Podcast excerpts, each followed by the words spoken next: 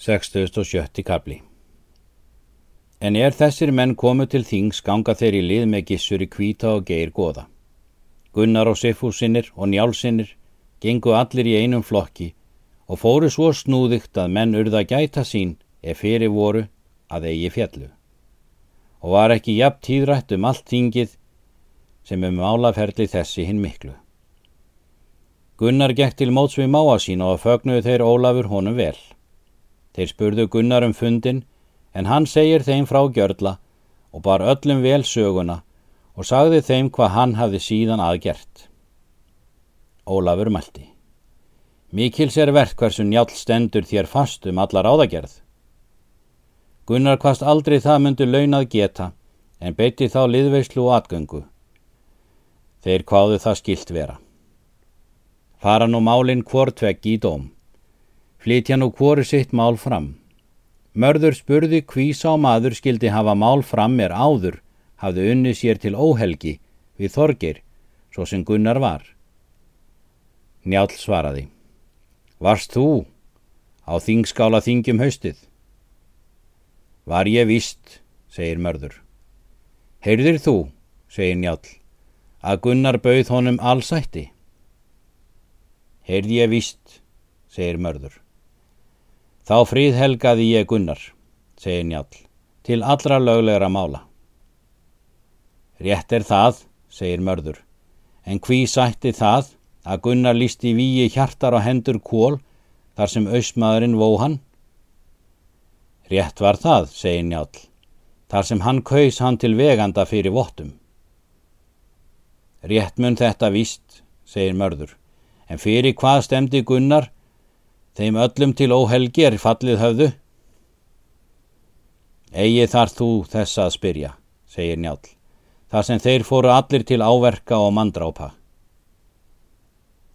Egi kom það fram við Gunnar, segir mörður. Bræður Gunnars voru þeir hjörtur og kolskeggur, segir Njál, og hafði annar bana en annar sár á sér. Lög hafið þér að mæla, segir mörður, þó að hart sé undir að búa. Þá gekk fram Hjalti Skeggjason úr Þjórsordal og mælti. Ekki hef ég hlutast til málaferla yðvara, en nú vil ég vita hvað þú vilt Gunnar fyrir mín orð gera og vináttu. Hvers beigðist þú, segir Gunnar. Þess, segir Hjalti, að þú leggir málin öll til jafnar dóms og dæmi góðir menn.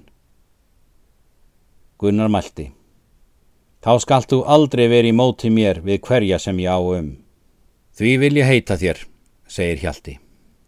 Eftir það átti hann hluta að við mótstöðumenn Gunnars og kom því við að þeir sættust allir og eftir það veittu hvorir öðrum tryggðir.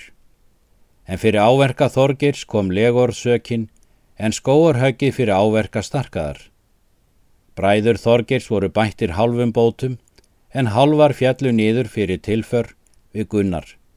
Jamt skildi vera víg eigils og sökin tyrfings. Fyrir víg hjartar skildi koma víg kols og ausmannsins. Þá voru aðrir bættir hálfum bótum. Njál var í gerð þessi og áskrýmur Ellega Grímsson og Hjalti Skeggjason. Njál átti fjö mikið undir starkaði og þeim í sandgíli og gaf hann það allt Gunnari til bóta þessa. Svo átti Gunnar marga vini á þingi að hann bætti þá þegar upp víin en gaf gjafar mörgum höfðingjum þeim er honum höfðu lið veitt og hafði hann af hinn að mestu sæmt að málinu. Og auððu allir á það sáttir að engin væri hans jafningi í sunnlendinga fjörðungi. Reið Gunnar heim á þingi og situr nú um kyrt, en þó öfunduðu mótstöðu með hans mjög hans sæmt.